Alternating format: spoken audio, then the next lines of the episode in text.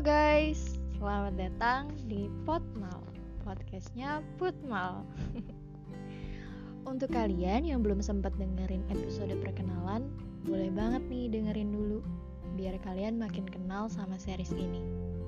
Pada episode pertama kali ini, gue akan membahas tentang memanfaatkan kesedihan. Bahasannya akan seputar pengalaman pribadi. So, stay tuned. Setelah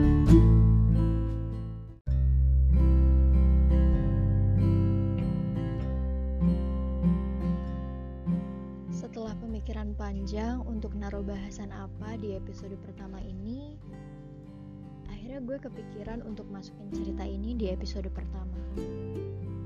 2016 adalah tahun terburuk selama 17 tahun gue hidup.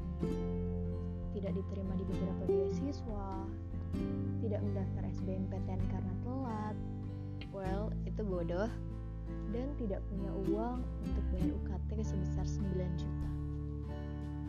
Tahun itu menjadi tahun menyedihkan gue, di mana semua remaja merayakan Sweet Seventeen-nya dengan berbahagia.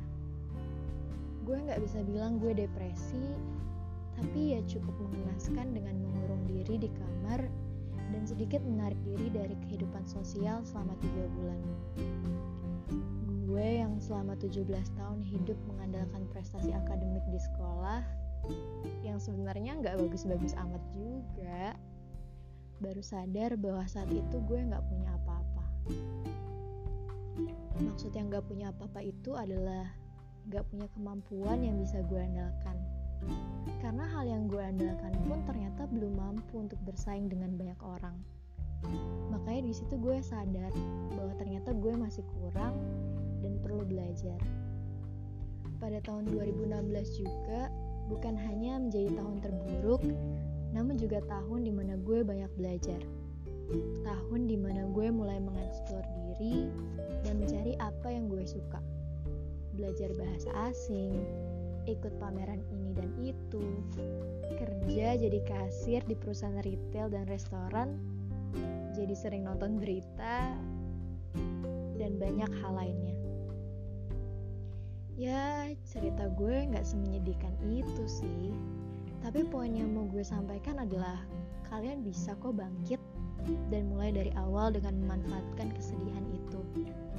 Tapi maksud gue bukan cari-cari kesedihan loh ya tanpa kesedihan pun sebenarnya kalian bisa mulai untuk mengeksplor diri dan berkembang dengan memahami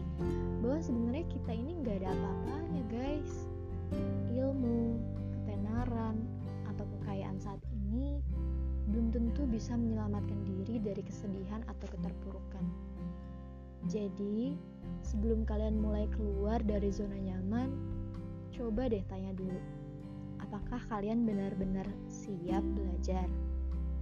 Apakah kalian sudah benar-benar siap untuk kecewa? Karena bagi gue, orang yang siap untuk belajar itu adalah orang yang juga siap untuk gagal di dalam proses pembelajarannya.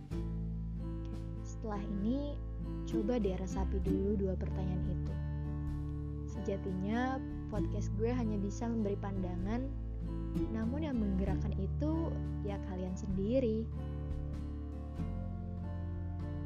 Oke, itu dulu untuk episode pertama hashtag Beyond. Semoga sedikit memberi insight dan penyemangat untuk kalian semua.